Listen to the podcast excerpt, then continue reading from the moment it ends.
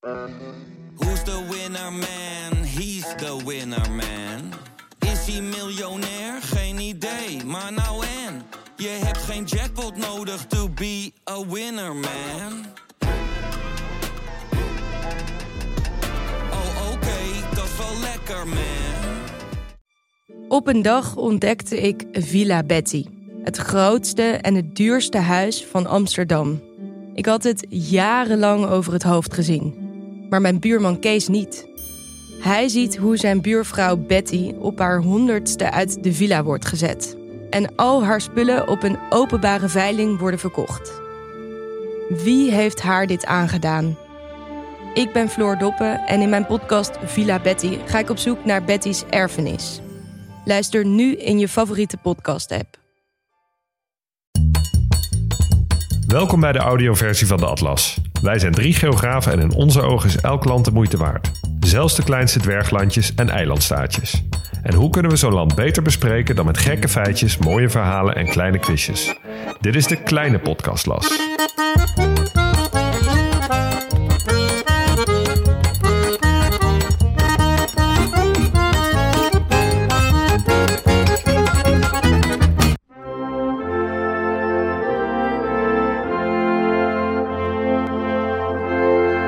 Micronesië, de kwal van de grote oceaan. Denk maar eens na. Een kleine body met een reusachtig bereik. Weinig massa, voor het grootste deel bestaand uit water. Alsof Nederland zou bestaan uit Corsica, Ibiza, Kreta en Texel met niets daartussenin.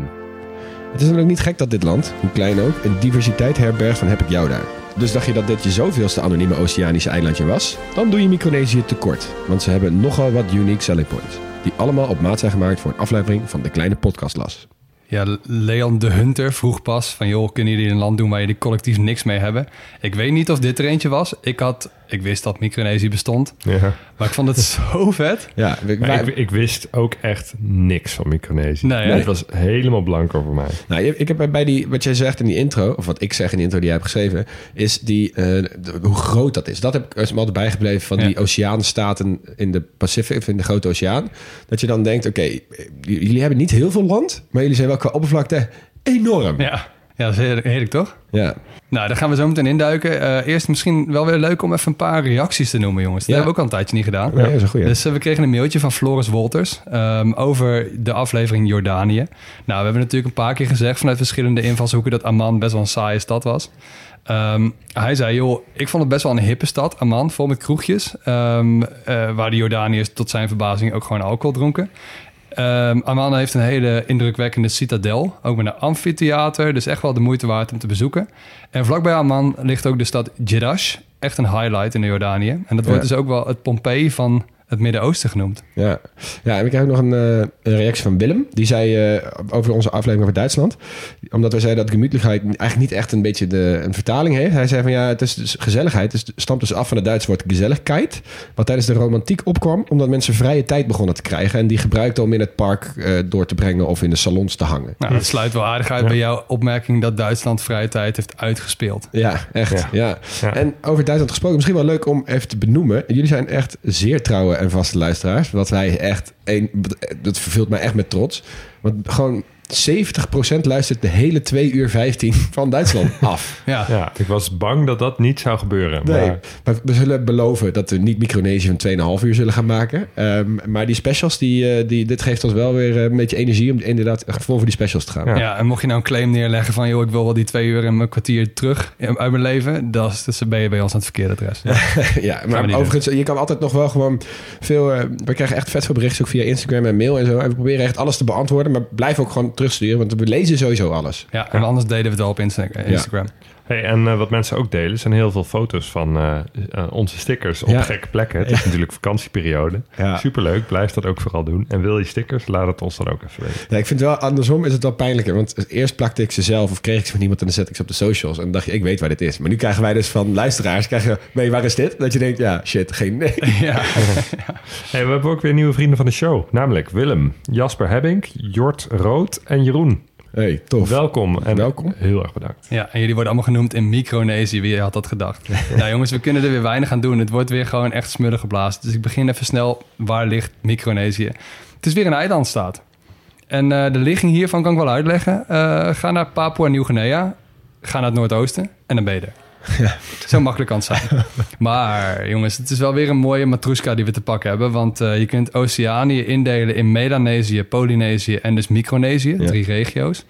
De Micronesische broeders van de federale staten van Micronesië... waar we het vandaag over hebben... zijn Nauru, eh, de Marshall-eilanden en Palau. Nou, een deel van die regio Micronesië is de eilandengroep de Carolinen. En de Caroline bevat weer twee onafhankelijke landen. Palau in het uiterste westen. En eigenlijk is de rest van de federale staten van Micronesië. Dus je hebt eerst de federale staten van Micronesië. Dan de Caroline. Ja. En die liggen weer in Micronesië. Ja. Micronesië ligt weer in Oceanië. Ja. ja? Maar eh, voor vandaag, als we het over Micronesië hebben, bedoelen we dus even de federale staten Ja, van Micronesië. laten we niet dat doen. eh, het, het subcontinent Nee, eigenlijk. het is gewoon een beetje alsof, alsof Luxemburg eh, Europa zou heten, zeg maar. Ja, nou laten we het onszelf gewoon makkelijk maken. Micronesië is Micronesië.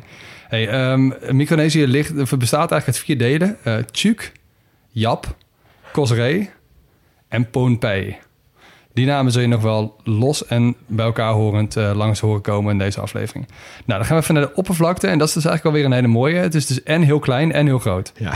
Want eh, het stelt niet zo heel veel voor. Het is net zo groot als Singapore. Maar het is duizend miljoen keer kle- kleiner dan Nederland dus. Eh, maar het is dus wel echt een fucking groot gebied. Ja. Ehm, van de westelijkste puntje naar het oostelijkste puntje is het bijna 2800 kilometer. Dat is van hier naar Cyprus ongeveer. ja. Dat is gewoon heel Europa ongeveer qua eh, ja, omvang. dus, dus je hebt iets van een eh, eh, economische exclusieve zone. Ja. Ehm, daar zijn ze de veertiende van de wereld. Yo, En dat is het gebied dat een land zeg maar om zich heen heeft. Ja. Weet je wel, dat van Ja. jou is. Ja, waar je kan vissen. Zo. Ja, Zoveel zeemijl uit de kust, zeg maar. Ja. toch? Ja. exact. En dat is dus 427 keer zo groot als hun landoppervlak. Kiribati is een beetje hetzelfde verhaal. Ja. Die, die delen dat, eh, dat wel. En weet, je, weet jullie wat de grootste ec- eh, exclusieve economische zone is? Rusland? Nee. Eh, VS? Nee. Huug, jij mag nog één keer raden. Canada? Nee, het is Frankrijk. Shit, dat was mijn volgende gok. Ja, al die ja, eilandjes en die, dingen. rare, gekke afhankelijke eilandjes. dingen inderdaad. Nou, eh, trots op La France. Nou, eh, aantal, in, eh, aantal inwoners is iets meer dan 100.000 mensen. En daarvan wonen er ongeveer 6.000 mensen op de hoofdstad Palikir.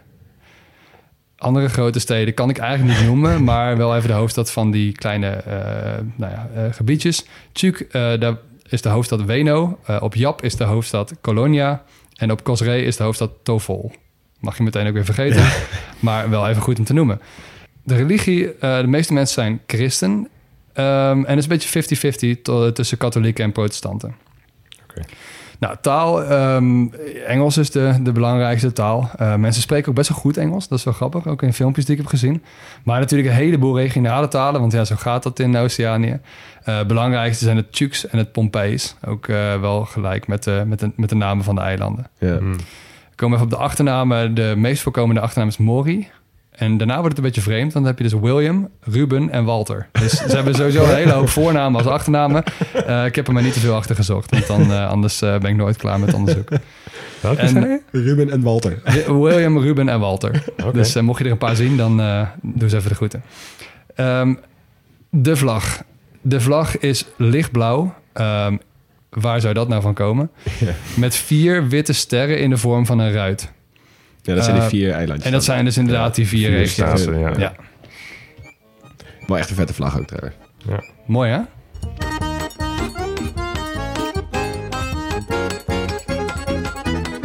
Oké, ik mag jullie even meenemen in hoofdstuk 1, dus over demografie, geschiedenis en politiek. En het leuke aan de kleine podcastlas vind ik altijd dat dit een integraal geheel is. Dus dat je wat meer kan springen van het een naar het ander. Ja. Ehm, en eh, nou, even heel ver terug in de tijd. 2000 jaar voor Christus. eh, toen kwamen eigenlijk de eerste bewoners aan land hier. Ehm, dat is een bevolkingsgroep die we nu aanduiden als Micronesiërs. En Micronesiërs zijn dus de mensen die in dat hele gebied wonen. Dat hele gebied Micronesië, dus inclusief Palau en de Marshall-eilanden en zo. Eh, dat was een Austronesisch volk, die we bijvoorbeeld ook in eh, Madagaskar tegenkwamen. En ehm eh, Micronesiërs zijn sterk verwant aan Polynesiërs, die we in Tuvalu zagen. Alleen hebben Micronesiërs nog een iets donkerdere huidskleur. Dus daarin kan je ze onderscheiden van, van Polynesiërs. Melanesiërs trouwens, zoals we Fiji zagen, zijn nog donkerder. Ja. Mooi dat we straks al die, als we al die eilanden hebben gehad, hebben we dit, hoeven we dit allemaal niet steeds weer opnieuw uit te leggen. Nee, Nee, verwijzen naar Maar, elkaar. eh, nu hebben we in, eh, hè, zowel in Polynesië als in Micronesië en Melanesië één land gehad. Dus Ja. eh, dat is mooi. Is, dat is een kiet. Ja. Nou, in de vroege geschiedenis van Micronesië ontstonden grote rijken op eh, eh, die staten Pohnpei en Yap. Die nu- nu dus twee van de vier staten eh, zijn waar Micronesië uit bestaat. Op Pohnpei is daar nog een mooi overblijfsel uit, eh, namelijk de stad Nanmadol. Dat was, eh, was een ceremoniële stad van een van die rijken die daar was gevestigd. En bestond uit kunstmatig gemaakte eilanden die met kanalen verbonden zijn. Ehm, en Nanmadol wordt daarom ook het Venetië van Oceanië genoemd. dus Vet. het zijn 98 eilanden en 12 zeemuren. Die zijn gebouwd op de lagune. Dus dat is het, het, eh, het stuk ondiepe koraalzee tussen eh, voor de kust en Ja. voordat de echte diepzee begint. En op die eilanden zijn een soort torens van op elkaar gestapelde basaltblokken te Ja. vinden. Basalt is een vulkanisch gesteente. En het is echt een volkomen raadsel hoe die basaltblokken daar terecht zijn gekomen. En hoe ze er zulke bouwwerken van hebben kunnen maken. Oh ja. Ja. Maar dit is dus nog steeds eh, te bezichtigen. Ehm, de stad is inmiddels niet meer bewoond. De bewoners zijn uitgestorven of verjaagd eh, door latere kolonisatoren. Ehm, maar ja, die, die stenen basalten bouwwerken, die staan er dus nog steeds. Ja, maar dit is vet, want waar we het over hadden met Madagaskar, met die Austronesiërs, eh, die hebben de hele wereld overgevaren, maar die kunnen natuurlijk nergens, bijna nergens, iets fysieks achterlaten wat ze hebben gedaan. Kijk, Ja. je hebt die piramides in Egypte, je hebt die piramides Ja. in Midden-Amerika, zeg maar. Dat, zijn, dat is fysiek bewijs Ja. dat er Ja. allemaal eh, beschavingen waren die allemaal dingen hebben opgebouwd. Nou, hier heb hebben ze dat dus wel Hier hebben ze dat dus precies. Ja. Hier heb je- dat is een, Ja. een van de weinige voorbeelden waar je dat dus wel kan zien. Ik altijd wel een lekker hoofdstukje. Gewoon eh, dingen die je terugvindt uit de oudheid, maar waarvan niemand weet hoe ze er zijn gekomen. Ja, ja, Age. echt in die tijd kunstmatige eilanden. Echt een beetje, we hebben bij de Verenigde Arabische Emiraten natuurlijk gezien dat er met, Ja. met olie miljarden eilanden worden opgespoten. En hier hebben ze het gewoon gefixt in Ja, die tijd. ja. Ja. Maar goed, ehm, uiteindelijk dus, eh, eh, dus verjaagd door kolonisatoren. En ehm, ja, wie waren de eerste? Eén keer raden. Eh, nou, eh, De va- Portugezen, veiligheidsgebied Portugezen. mij te zeggen dat het Portugezen waren, ja. Natuurlijk waren het de Portugezen. Maar die Portugezen die hadden met Spanje afgesproken dat de gebieden op deze lengtegraad onder de Spaanse invloed stonden. Je weet wel dat dat verdrag van Tordesillas, Ja. later het verdrag van Zaragoza. Nou, dus uiteindelijk ehm, eh, waren de Portugezen er, eh, er weer weg en toen kwamen de Spanjaarden. Die hebben zich er gevestigd, maar in 1899 hebben ze het verkocht samen met de Noordelijke Marianen en Palau aan Duitsland. Hey, eh, Eh, Ja. Duitsland had daardoor een flinke kolonie in Oceanië, want ze hadden eh, sinds eh, 1888 ook al een stuk van Nieuw-Guinea. Ehm, en de gebieden die we nu kennen als Nauru, de Sol- eh, Salomons-eilanden en de Marshall-eilanden. En nu dus ehm, Micronesië, Palau en de Noordelijke dat is Marianen. best wel een groot gebied ook. jongen. Ja, best een groot gebied. Ik zit echt soms te denken, want het is natuurlijk dat Duitsland niet zoveel kolonie heeft gehad, hè. Maar en dat, dat het een beetje gek voelt, weet Ja. je. Maar ja, ik heb altijd met dit soort dingen van, je zal als Micronesiër maar Duits worden. Ja. Ja, Dat is toch heel gek? ja, dat is totaal Ja. raar. Dan, dan voelt Frankrijk toch minder ver weg. Ik weet Ja. niet zo goed waarom. Nou, we weten allemaal eh, wat er gebeurde eh, met de Duitse kolonies na de Eerste Wereldoorlog. Zeker.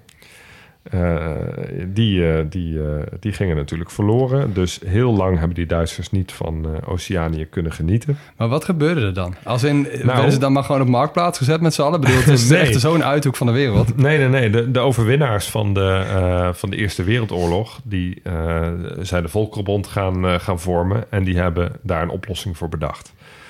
Namelijk dat dat mandaatgebieden moesten worden... onder gezag van een van de overwinnaars van Ja. de oorlog. Nou, Ja, dat zagen we in Tanzania en Cameroen. En dat gebeurde ook hier. Alleen hier werd het geen mandaatgebied van de Britten of de Fransen... maar van de Japanners. Oh. Oh ja. Wat op zich logisch was, want Eh, Japan lag vrij dichtbij. En Japan was, eh, vocht aan de zijde van de geallieerden in de Eerste Wereldoorlog. Ja. Wist ik eigenlijk helemaal niet. Klein detail in de geschiedenis, maar goed. ja. Er zijn in die periode ook superveel Japanners naar die eilanden verhuisd. Eh, ongeveer 100.000. Terwijl de lokale bevolking was maar met 40.000. Nee, joh. dus dat was echt een gigantische invasie van Ja. Japanners eigenlijk. Ehm, en in de Tweede Wereldoorlog waren die eilanden ook echt een belangrijke uitvalsbasis voor de Japanse marine. Daar was een eh, gigantische zeeoorlog gaande tussen de Verenigde Staten en Japan in de Tweede Wereldoorlog. En eh, die eilanden waren dus, hadden een groot strategisch belang. En er is hard gevochten. Eén operatie eh, is heel bekend, eh, Operation Hailstone, operatie Hagelsteen. Eh, daarbij viel de Amerikaanse luchtmacht de Japanse marine aan, die, die in Micronesië voor anker lag. En daar is een heel groot deel van die aanwezige marine tot zinken gebracht. Ja. Er zijn nu nog superveel schepen op de bodem van, van die baai te vinden, waar je ook naar kan duiken en zo. Ja, ze noemen dat ook de Japanse equivalent van de Pearl Harbor. Oh ja. Eigenlijk was het, uh, de Japanners hadden nog uiteindelijk een soort, nou, mazzel niet, maar ze zagen die Amerikanen ook optrekken van eiland naar eiland. En op een gegeven moment kwamen ze heel dichtbij. Toen hebben ze gedacht, oké, okay, onze grootste deel van de vloot ligt hier. Laten we in ieder geval een paar schepen voor de zekerheid wegvaren. En daardoor hebben ze ongeveer nog gewoon een derde van hun uh, vloot kunnen redden.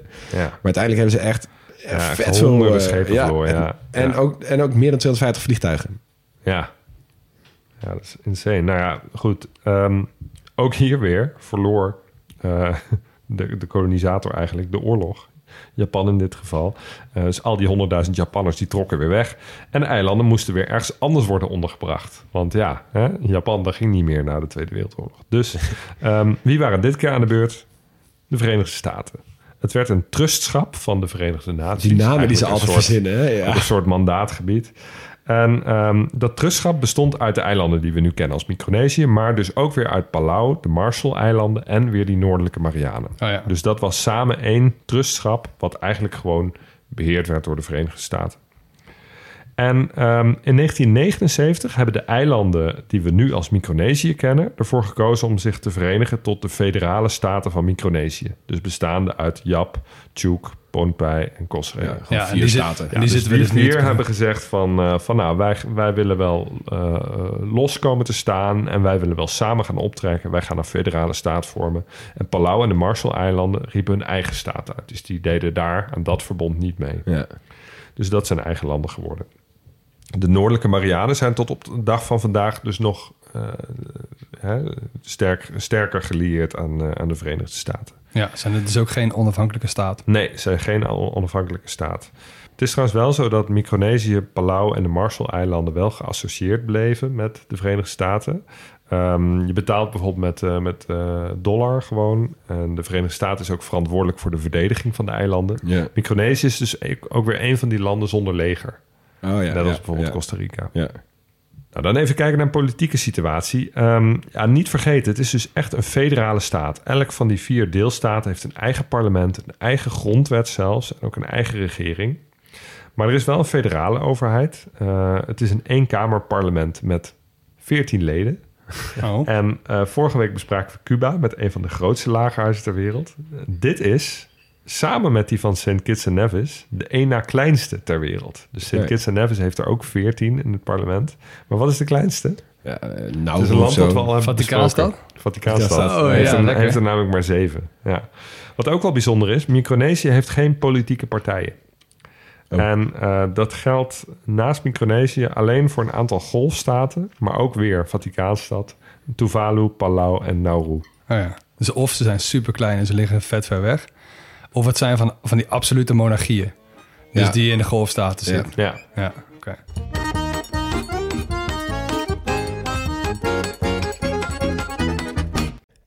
Stop de podcast, want onze sponsor van vandaag is niets of niemand minder dan de Philips Sonicare.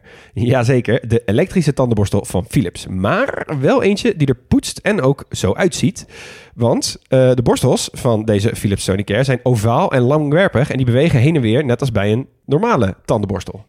Oh, dat is chill. Want Max, jij poetst nog altijd analoog, toch? Ja, ik, had, ik had daar... Voordat uh, je deze kreeg. Ja, ik had daar één pk voor nodig inderdaad. ja. ja. Dat deed ik altijd zelf. Ja, dus wij kregen er eentje. En uh, ik dacht, nou, ook om jullie te vermaken, maar ook om mezelf. Um, ik ben even de geografische geschiedenis van de tandenborstel ingedoken. Dus... Dat was een mooi onderzoek, zeker. Heerlijk. Waar denken jullie dat de eerste tandenborstel, of in ieder geval tandenpoetssituatie, ontdekt is? Ja, we kunnen niet... Het kan niet anders dan dat we dit al heel lang doen. Echt sinds de oudste beschavingen. Ja, nou, je zit ongeveer juist. Want um, wat ik vond is dat Babylonische koustokjes de vroegste vorm oh. van mondsverzorgingsdingen zijn. Oh, dat is ook nog wel ouder dan ik had verwacht. Ja, dus 3500 voor Christus. Um, uh, eeuwen later ontwikkelden de Chinezen tijdens de Tang-dynastie de eerste tandenborstel met echt borstelharen. Uh, en die innovatie die heeft Europa bereikt via de zijderoute, dus de klassieke variant, en werd uiteindelijk in Frankrijk gespot rond het jaar 1560. Dan skippen we even vooruit naar ehm, de Brit William Addis. Want die zat in 1770 in de cel. En die zag een gevangenisbewaarder met zijn bezem de grond schrobben. En die dacht, hé, hey, wacht eens even. Dit kan je ook met je mond doen. Dus uh, hij heeft toen een uh, borstel gemaakt door varkensharen aan een bot te bevestigen. En toen hij vrijkwam, is dit de eerste tandenborstel die massaal werd geproduceerd en algemeen beschikbaar was voor meer mensen. Dus hij wordt een beetje gezien als de vader van de tandenborstel zoals wij die kennen. Shout-out William Addis. ja. En nu hebben wij hier wat door tandheelkundige professionals over heel de wereld wordt aangemerkt als het meest aanbevolen Sonische tandenborstelmerk, namelijk die Philips Sonicare. En de lieve mensen van Philips hebben ons er eentje opgestuurd, dus ik ben vooral benieuwd. Max, wat vind je ervan? Ja, mijn leven zal nooit meer hetzelfde zijn. ja. Nee, eer, ja, eerlijk, ik deed dit altijd zelf, dus ik poetste altijd zelf. En ik heb ook wel elektrische gehad. En dan merkte ik dat ik die beweging nog steeds zelf aan het maken was. Ja, Maar dit is een heel goede combinatie van beide. Want ik hou me gewoon mijn borstel stil. Ja. Maar dat ding poetst voor me. Ja. Dit is, ja, ja. ja, voor mij is het ook wel een uitkomst. Want ik, ik poets al wel een tijdje elektrisch. Met een beetje pijn in mijn hart. Ik heb altijd een beetje heimwee gehad naar analoog poetsen. En ik was ook echt weer toe aan een nieuwe borstel. Dus ik vond het echt super chill dat we er gewoon in opge, opgestuurd krijgen. Ik voel me ook eens echt een zieke influencer. Ben ook? Zei jij niet ook dat, dat jij hem pas toevallig juist op je verlanglijst hebt ja, gezet? ik had hem echt de dag voordat ze hiermee kwamen... had ik hem op mijn verlanglijst voor mijn verjaardag gezet. Nieuwe tandenborstel. En Leon, dus... jij, leest, jij leest dit, dit hele mooie studietje nou voor met, met heel veel bombardie. Maar jij was ook die man die zei dat hij al 15 jaar dezelfde tandenborstel had. Toch? Zeker. Dus ja. dit kwam wel echt uit voor ons. Ja, het kwam ja. echt fantastisch uit voor ons. Nou, wil jij ook tot 20 keer effectiever je tanden poetsen en net zo blij zijn zoals deze drie heren dat zijn? Uh, ga dan absoluut voor een Philips Sonicare. Uh, want ik zou bijna willen zeggen, dit is wel de nieuwste innovatie van een 5500 jaar oud modelletje. En dan gaan we nu terug naar de podcast. Terug naar de podcast.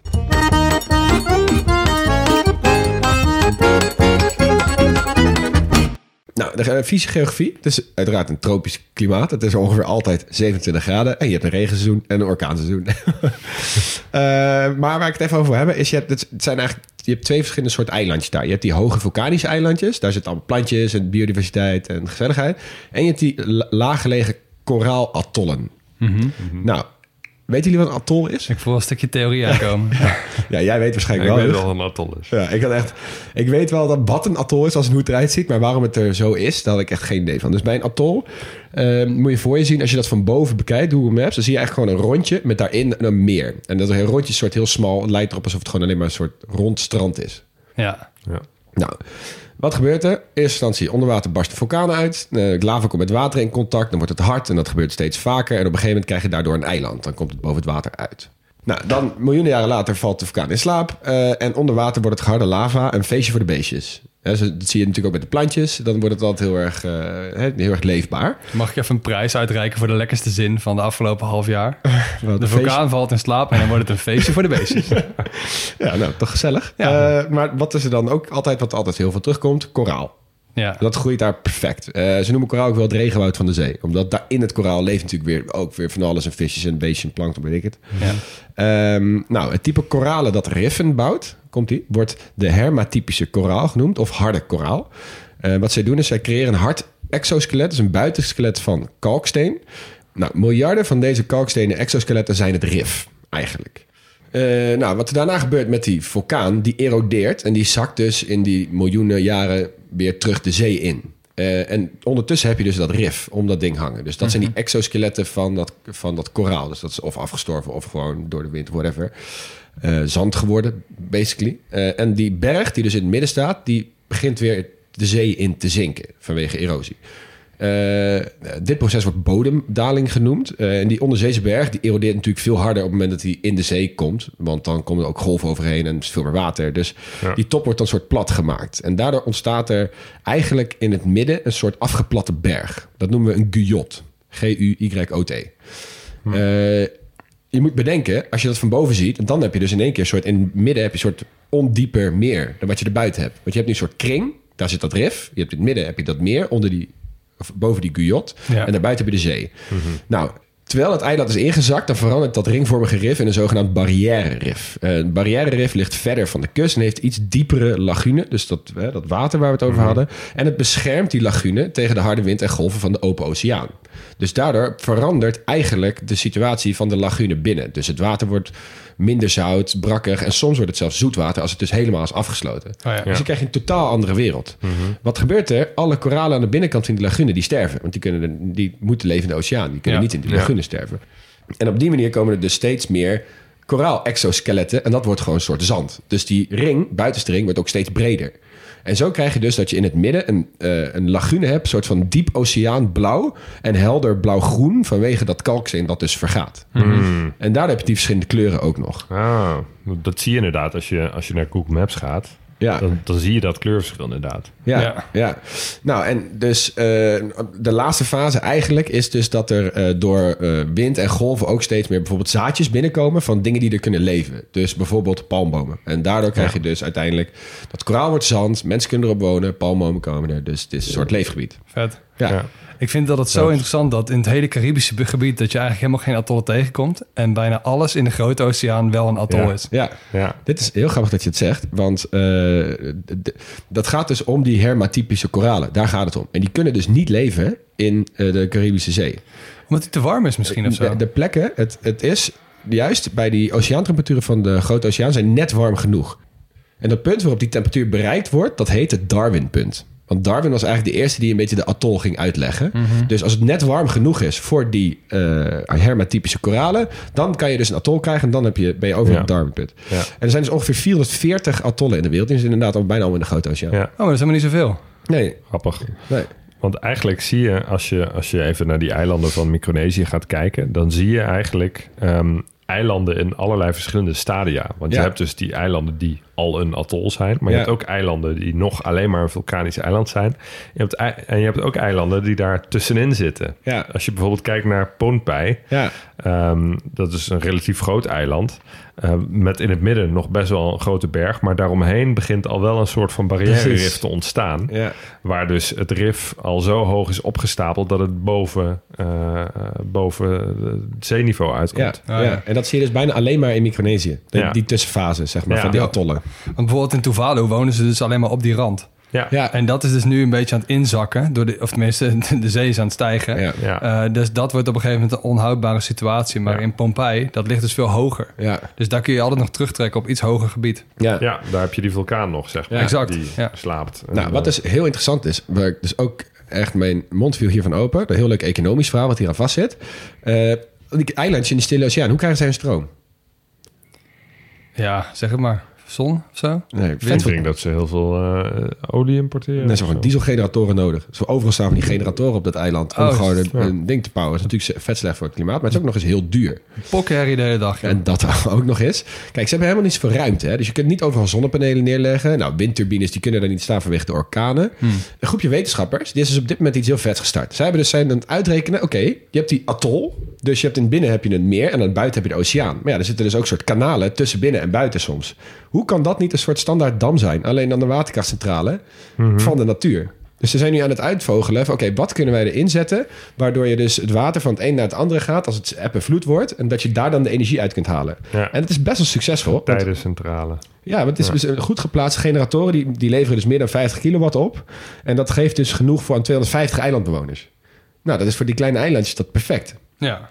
En het, het fijne is, zo'n turbine... die kan zo'n 75% van de tijd draaien. Met vergelijking, bijvoorbeeld een windturbine... is dat gemiddeld slechts 40%.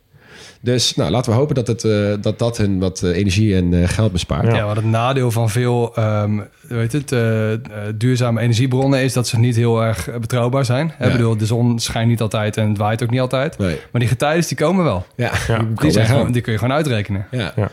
En weet je waar ze ook geld mee verdienen? We hebben er ook wel één andere mee gehad, bij Tuvalu. Ja, ik weet wat je gaat zeggen. Dat is mooi. Ja, punt die FM. punt, FM Ja, inderdaad. Punt .fm. Dat is een extensie. Dus die, ongeveer alle radiostations in de wereld heeft nu punt .fm. Nou, daar verdienen ze nog wat geld mee. Ik ben ook zo blij dat dit ligt in dit soort landen. Ja, zeg maar, dat Ja, was het in, België eh, of zo, weet je Ja. Ja. of gewoon, weet ik veel, inderdaad Frankrijk of zo. Nou, dat zal wel, want die verdienen al genoeg geld. En dat Ja. dit is gewoon Ja. altijd een substantieel deel van hun economie. Ja. Nou, dan heb ik nog een ander leuk theoretisch verhaaltje. Of niet theoretisch. Dan heb ik nog een ander leuk verhaaltje over het eiland Jap. Zij hebben namelijk ja, heel lang allemaal wetenschappers bezig gehouden met de fundamentele vraag: wat is geld? Hebben jullie, zijn jullie deze plaatje tegengekomen van die grote stenen munten? Ja. Ja, Dat is echt compleet raar. Je hebt, dus, je, hebt daar, je hebt daar geen goud of zilver, maar honderden jaren geleden vonden ontdekkingsreizigers uit Jap kalksteenafzettingen op een eiland, maar honderden kilometers verderop. Wat deden ze? Ze, ze sneden die kalksteen tot enorme stenen schijven. Die hebben ze vervolgens bootjes overgebracht naar hun eigen eiland. Ja, je moet, echt, moet iets doen, denk ik, in die tijd. Het is niet helemaal duidelijk waarom ze daarmee zijn begonnen. Maar op een gegeven moment realiseerden de mensen daar wel dat ze eh, iets nodig hadden waarmee je kon betalen. En dat werden die grote, gigantische stenen. Maar bedenk, het is net zo groot als deze woonkamer. Ja. Het is echt totaal onhandig. Maar wat dus wel grappig is eigenlijk... Zeg maar, je, je zou het niet gebruiken om bijvoorbeeld iets te kopen van iemand of zo. Maar wel als bijvoorbeeld als bruidsschat. Of als onderpand voor je huis. Dus uiteindelijk werd dus de concrete vorm van geld, namelijk die steen, werd iets heel abstracts. Namelijk, die steen is van Pietje. Ja, je gaat dat niet elke keer meezeulen in je achterzak om iets te Nee. kopen. Nee. Nee, dus die steen is van iemand, maar hij beweegt dus niet. Hij staat gewoon ergens. En je kan dus nu nog steeds al die stenen overal zien. Eh, en er is dus ook nog één verhaal die zeggen dat ooit een keer is er zo'n boot met zo'n steen teruggekomen van die eilandjes. En die is toen gezonken. Dus die is toen op de bodem van de oceaan gebracht. Maar dat maakt verder niet uit, want die steen was nog steeds daar. En de steen. Dus van iemand. Iemand had die steen in handen en die kon gewoon ruilen voor iemand Ik anders. zie nog niet helemaal hoe dit het praktische probleem heeft opgelost... dat je mensen moet betalen als je iets koopt. Nee, maar maar ik ook niet. Maar ja, dat, dus, ja, dat stuk steen was van iemand. En die lag wel op, toevallig op de bodem van de oceaan. Ja, maar dan heb je dus wel heel erg te maken met... Je, je moet wel echt heel erg met elkaar geloven dat dat geld dat waard is. dat Ja. was- ja. Want je kunt er niks mee. Nee, maar, ja, precies. Dus Puur met z'n allen afspraken. ja, maar maar dat, daarom- is, dat geldt voor al het geld Dat geldt voor al het eigenlijk, geld, ja. exact. Dus dat is best wel een leuke vraag. Wat is nou eigenlijk geld? Ja. Ja. Nou, in Jap denken ze daar heel anders Ja, over. maar dat is dus in ieder geval een hele goede toeristen trekpleister om erheen te gaan. Ehm, maar eh, verder qua toerisme, eh, Micronesië doet het niet heel goed. En het is ook eigenlijk best wel logisch. Het ligt eigenlijk pokken ver weg. Ja. Niemand gaat bijna niet. er zijn Echt heel weinig toeristen die Maar, ja. echt helemaal die kant op gaan. Het ligt natuurlijk wel pokken ver weg, maar eh, gezien heel eh, Oceanië ligt het eigenlijk best wel dichtbij. Ja, dicht bij Papua Nieuw-Guinea bijvoorbeeld. Ja, maar Ja, ook maar bij overal waar mensen wonen. Ik bedoel, eh, dingen als Tahiti en eh, eh, Samoa, zo Ja. ligt veel verder weg. Dus ze hebben echt wel een kans. Ja, Weet je, ja, dit is echt een paar uur vliegen van Indonesië. Ja, en, en wat je natuurlijk daar kunt doen, is je hebt een paar van die mooiste stranden ter wereld. Je kunt vulkanen beklimmen. Nou, je kunt er altijd duiken natuurlijk. Eh, het- echt de perfecte plek om grote vissoorten en schildpadden en zo te zien. En we hebben het er net al even kort over gehad. Dat vind ik eigenlijk wel de allervetste plek waar je kan eh, duiken. Bij Chuck Lagoon, daar liggen dus al die dingen in het water onder water. Kijk, het meeste ligt echt veel te ver om heen te duiken. Dus je kan er niet altijd even, ver, even goed bij. Ja. Maar Ja. een van de bekendste is de San Francisco Maru. Dat is dus een wrak vol munitie en vrachtwagens, mijnen, bommen en tanks op het dek. En die kan je dus zien in die strak blauwe zee. En dat is echt heel indrukwekkend om te zien. Ja. Gaaf.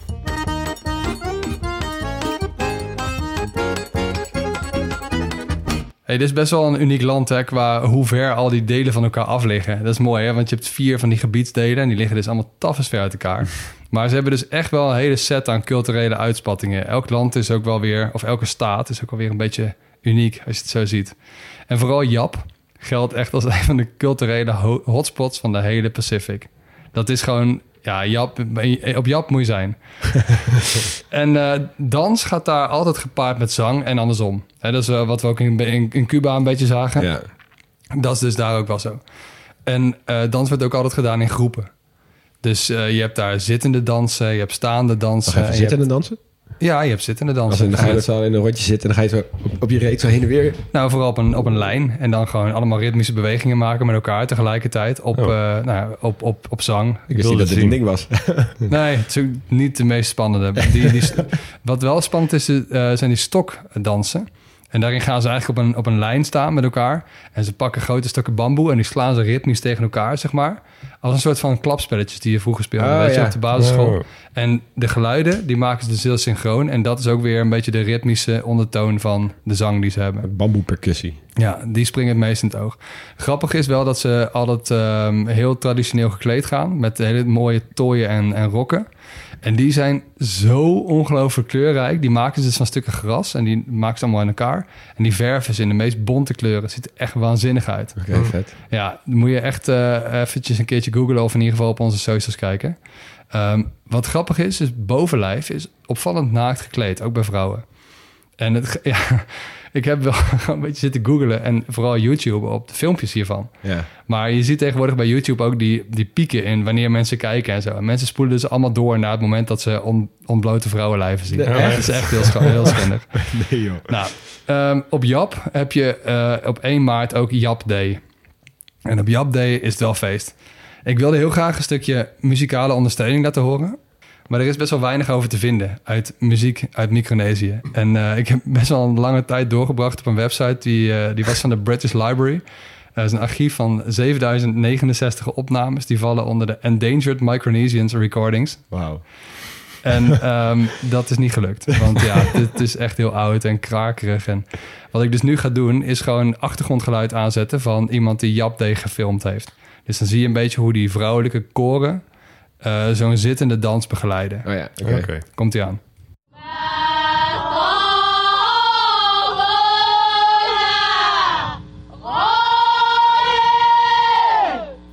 Gezellig. Ja, dit gebeurt dus op Jamp. En eh, dit klinkt misschien een beetje suf, ehm, maar ik heb wel echt andere filmpjes gezien mensen. Dat is nu qua audio niet zo heel handig, maar mensen gaan helemaal los. Er wordt ook wel echt heel hard gedanst en eh, heel fanatiek gezang altijd en eh, groeps, eh, groeps, eh, ja, groepsvokalen. Dus dat is wel echt tof om te doen. Ehm, dan even over Pohnpei, want grootste eiland. En daar komt wel echt een moderne knaller vandaan. Eh, die heet de V6. Oké. Eh, we luisteren even V6 naar... alleen is een raket. Maar ik ken de V6 alleen is een raket. Ja, ik mag hopen dat ze daar niet naar vernoemd zijn, hoewel ze wel Duits geweest zijn. Ja.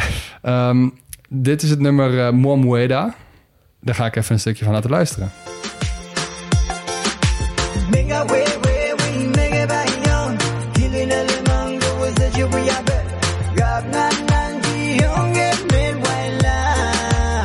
Je leeft op deze soundtrack is, dan wordt het echt wel redelijk langzaam. denk ik. Ja, ja, ja, het was echt moeilijk om iets te vinden, jongens. Ja, snap ik, snap ik. Lekker wel, ja, ik heb toch nog een klein lichtpuntje. Eh Huug, ik mee- meen dat jij eh, een hoofdstukje kunst had toen in Tanzania. En dat je toen zag van, eh, listen to this song from Nigeria. en Ja, al dat ja, soort dingen. zeker. Nou, dat heb je dus hier ook. Want deze lui hebben echt miljoenen views. Dus eh, vergis je niet. Ja? Maar, er staan echt allemaal reacties onder. eh, dingen als eh, proud to be a Micronesian and one love from Samoa. Much love from Fiji. En zelfs XOXO uit Vanuatu. dus daar was ik dan wel weer blij mee. Ja, daar word ik ook blij van. Nou, dan even de keuken. Vooropgesteld, je kunt daar best wel lang lekker eten.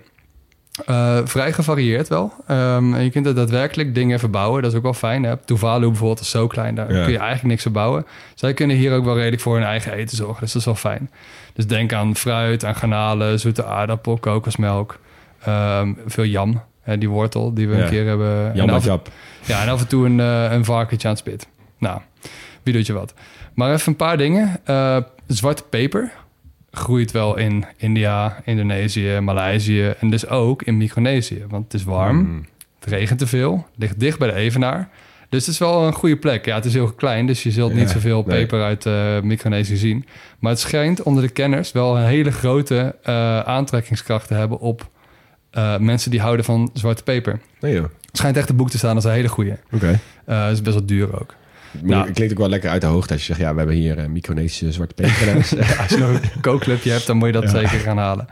Ehm, vanaf daar is het even een klein bruggetje naar Sakau. En dat is een beetje de lokale firewater, zeg maar. De, de Ja, ja, lokale, lokale sterke drank. Hij heeft heel veel ehm vergelijkenis met kava. Leon, je hebt het ook wel eens gezegd in Fiji. Kava kava. ja. Waar onder andere je hoofd scheef gaat staan. Ehm, de plant die, waar ze dat van, van maken is de Piper mestisticum. Eh, oftewel bedwelmende peper. Oké. Dus die heeft een beetje een kalmerend, verdovend... Klinkt en- veelbelovend. ja, het is een beetje een tongverdovend effect dat ze hebben. En die gaat het dus drinken als je in, eh, in Pompeii bent. En daar is ook niet onderuit te komen.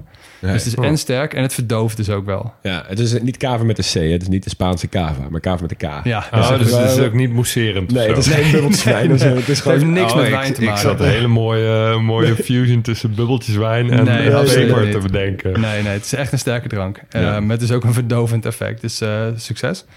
Eh, wat ook een beetje een verdovend effect heeft, en daar ga ik nu het even over hebben, is de beetle nut. En de beetle nut heeft in Nederland niet eens een Wikipedia. Wij kennen het ook niet zo heel erg. Het is ook wel de areca nut. Kevernoot. Daar gaan ze dus heel hard op. Eh, en het is eigenlijk een soort pruimtabak uit Zuid- en Zuidoost-Azië. Oké. En ik had hier ook nog nooit van gehoord tot ik naar India ging. En daar kennen ze het ook wel als paan. Ja. Leon, misschien zegt het jou wat. Ja. Wij waren daar uiteindelijk samen. Het woord zegt me iets, maar... Nou, het is een soort van koutabak. Ehm wat je doet, je vouwt zo'n betelnut blad vouw je dicht met daarin stukjes betelnut. Hè, dus het betelnoot. Ja. En een soort poeder dat ze van kalksteen maken. En dan ga je dus op kouwen. Heel lang.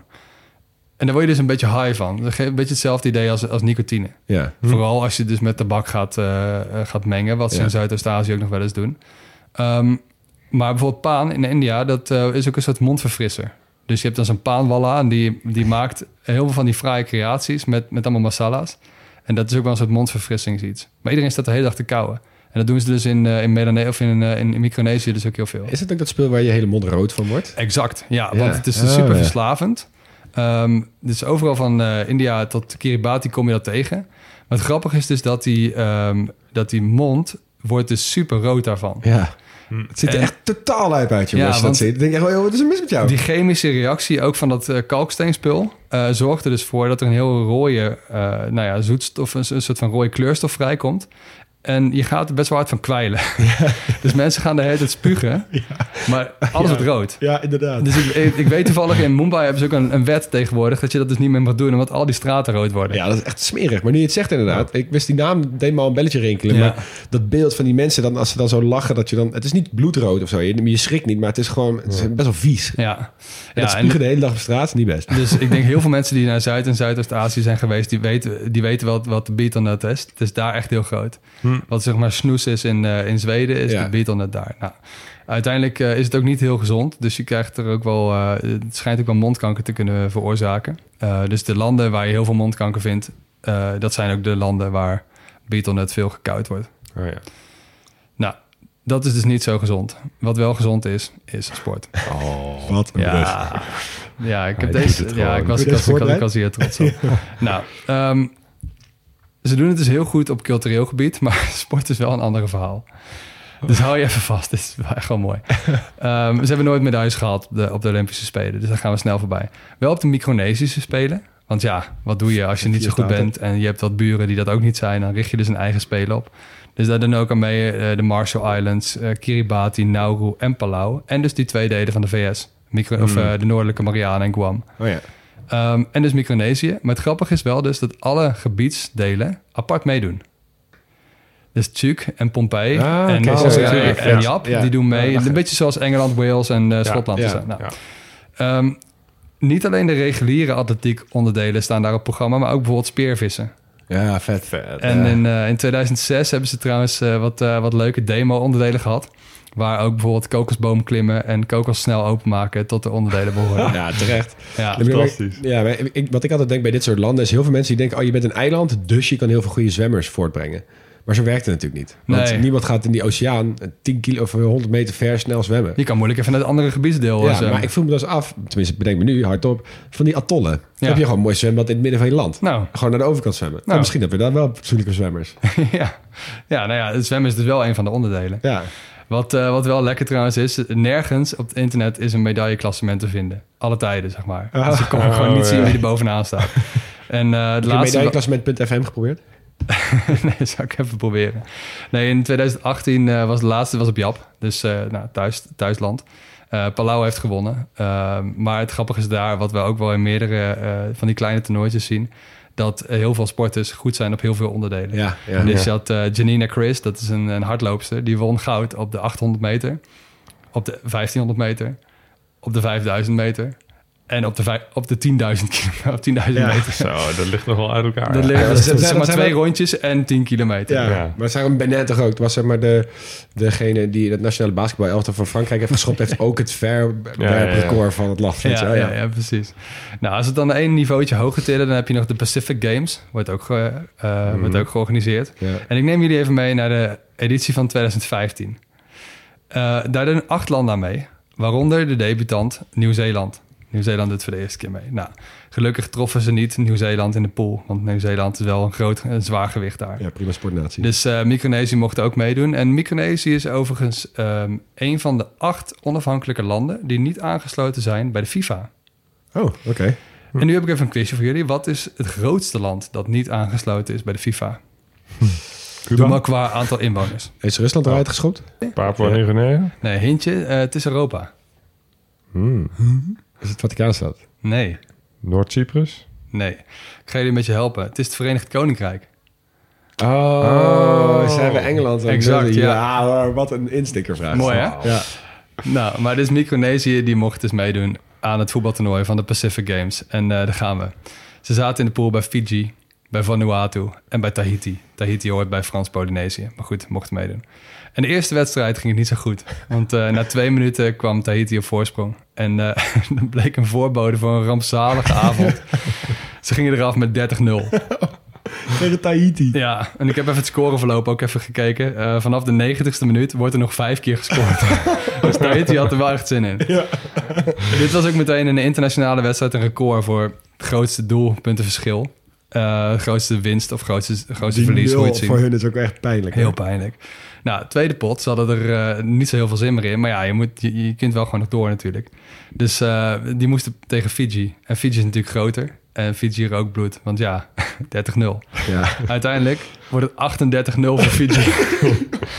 Een record wat een paar dagen geleden gebroken was. wordt weer aangestipt. Ja. en toen moesten ze nog tegen Vanuatu. Ehm, want die mochten helemaal los. En die waren ook nog niet door. Dus die hadden wel echt nog iets om voor te spelen. En die gingen er volle bak voor. En uiteindelijk, eh 1-0 wordt gescoord. Halen meteen de bal. En we rennen meteen terug naar de, naar de, middenst- de middenstip. Want Ja, die, dat ging natuurlijk op doelsaldo, omdat ze allemaal vet dik van exact. Ja, dus het maakte gewonnen. daadwerkelijk ook nog wel wat uit. En ja, er kwam een derde record op rij. Ehm Micronesië verloor met 46-0.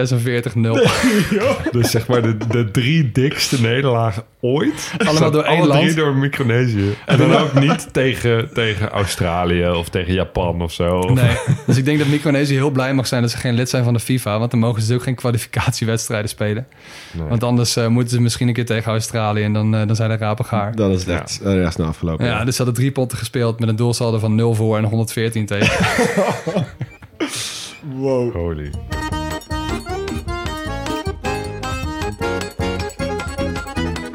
Jongens, we zijn klaar. Micronesië, wat maakt dit land uniek? Ja. eh, Bijzonder slecht zo- voetbalteam. Zo eh, so big yet so small. Ja. Het is... Ja, dat is wel echt uniek, denk ik. Ja, Ja, ik vind- Kiribati heeft dat ook wel. Ja. Maar goed, ik vergeef dit je. maar ik, wat ik dus vet vind, wat ik eigenlijk al in de aflevering zei, is dat je dus hier wel echt restanten ziet van dat Austronesische volk. Ja. Dus Ja. waar zij natuurlijk nooit ergens gewoon eh, dingen hebben kunnen bouwen, want water, zie je hier dus wel en die Ja. munten, zeg maar, Ja. op Jap en, die, eh, en, en dat, eh, hoe heet die stad? Nan Madol. En dat Nan Madol. ja. Ja, nee, ik, ik zou ook, eh, als, ik- als ik even het bruggetje mag slaan naar eh, wat ik ga doen op, eh, eh, in Micronesië. Ik zou dan dus naar Pohnpei gaan. En als je maar één dag hebt, grootste eiland, meeste zien. Maar dus ook dat Nan Madol, Ja. dat wil ik wel echt zien. ja, ik ga duiken naar die wrakken, jongen. Echt, zeker weten. Ik Nou, dus ben jij echt helemaal, Tjoek. ja, maar ik ben helemaal geen Ja. duiker. Maar als in, ik ben daar echt veel te claustrofobisch voor. Ik word Nee, altijd heel joh, eng. je, je vindt het vet mooi, man. Maar als ik daar dan, ik weet zeker dat ik gewoon overkomen word door zo'n nieuwsgierigheid dat ik gewoon, ja, prima, ik ga tanks kijken onder water. Max, wat ga jij doen? Ja, ik ga naar uh, Japday. Want Ja? ja, ja ik, ben de enige, ik ben de enige van ons drieën die gezien heeft hoe vet het is. Eh, je zult me moeten geloven, maar het is wel een lekker festijn. Dan gaan we alle drie naar een andere staat. Gaat niet meer naar Kosrae. Nee, denk Nee. ik niet. Maar we hebben het minst besproken, denk ik. Misschien heeft dat ermee te maken. Ja, sorry Ja. jongens. Nou, daar sluiten we mee af. Eh, lieve luisteraar, dank dat je het weer helemaal hebt uitgezeten en hebt geluisterd naar dit hoofdstuk van de kleine podcastlas. Wij zijn Leon Boelens, Max Gertsen en Hugo Noordman en Jonas van Impen doet de eindmontage. We zijn nooit volledig, wel origineel, geen experts, wel liefhebbers. Als we iets verkeerd gezegd hebben, moet je het vooral even laten weten. Op Twitter of Instagram op @grotepodcastlas. Je kan ook mailen naar grotepodcastlas@gmail.com. En volgende week zijn we er weer en dan reizen we naar Letland. Goodbye. Bye bye.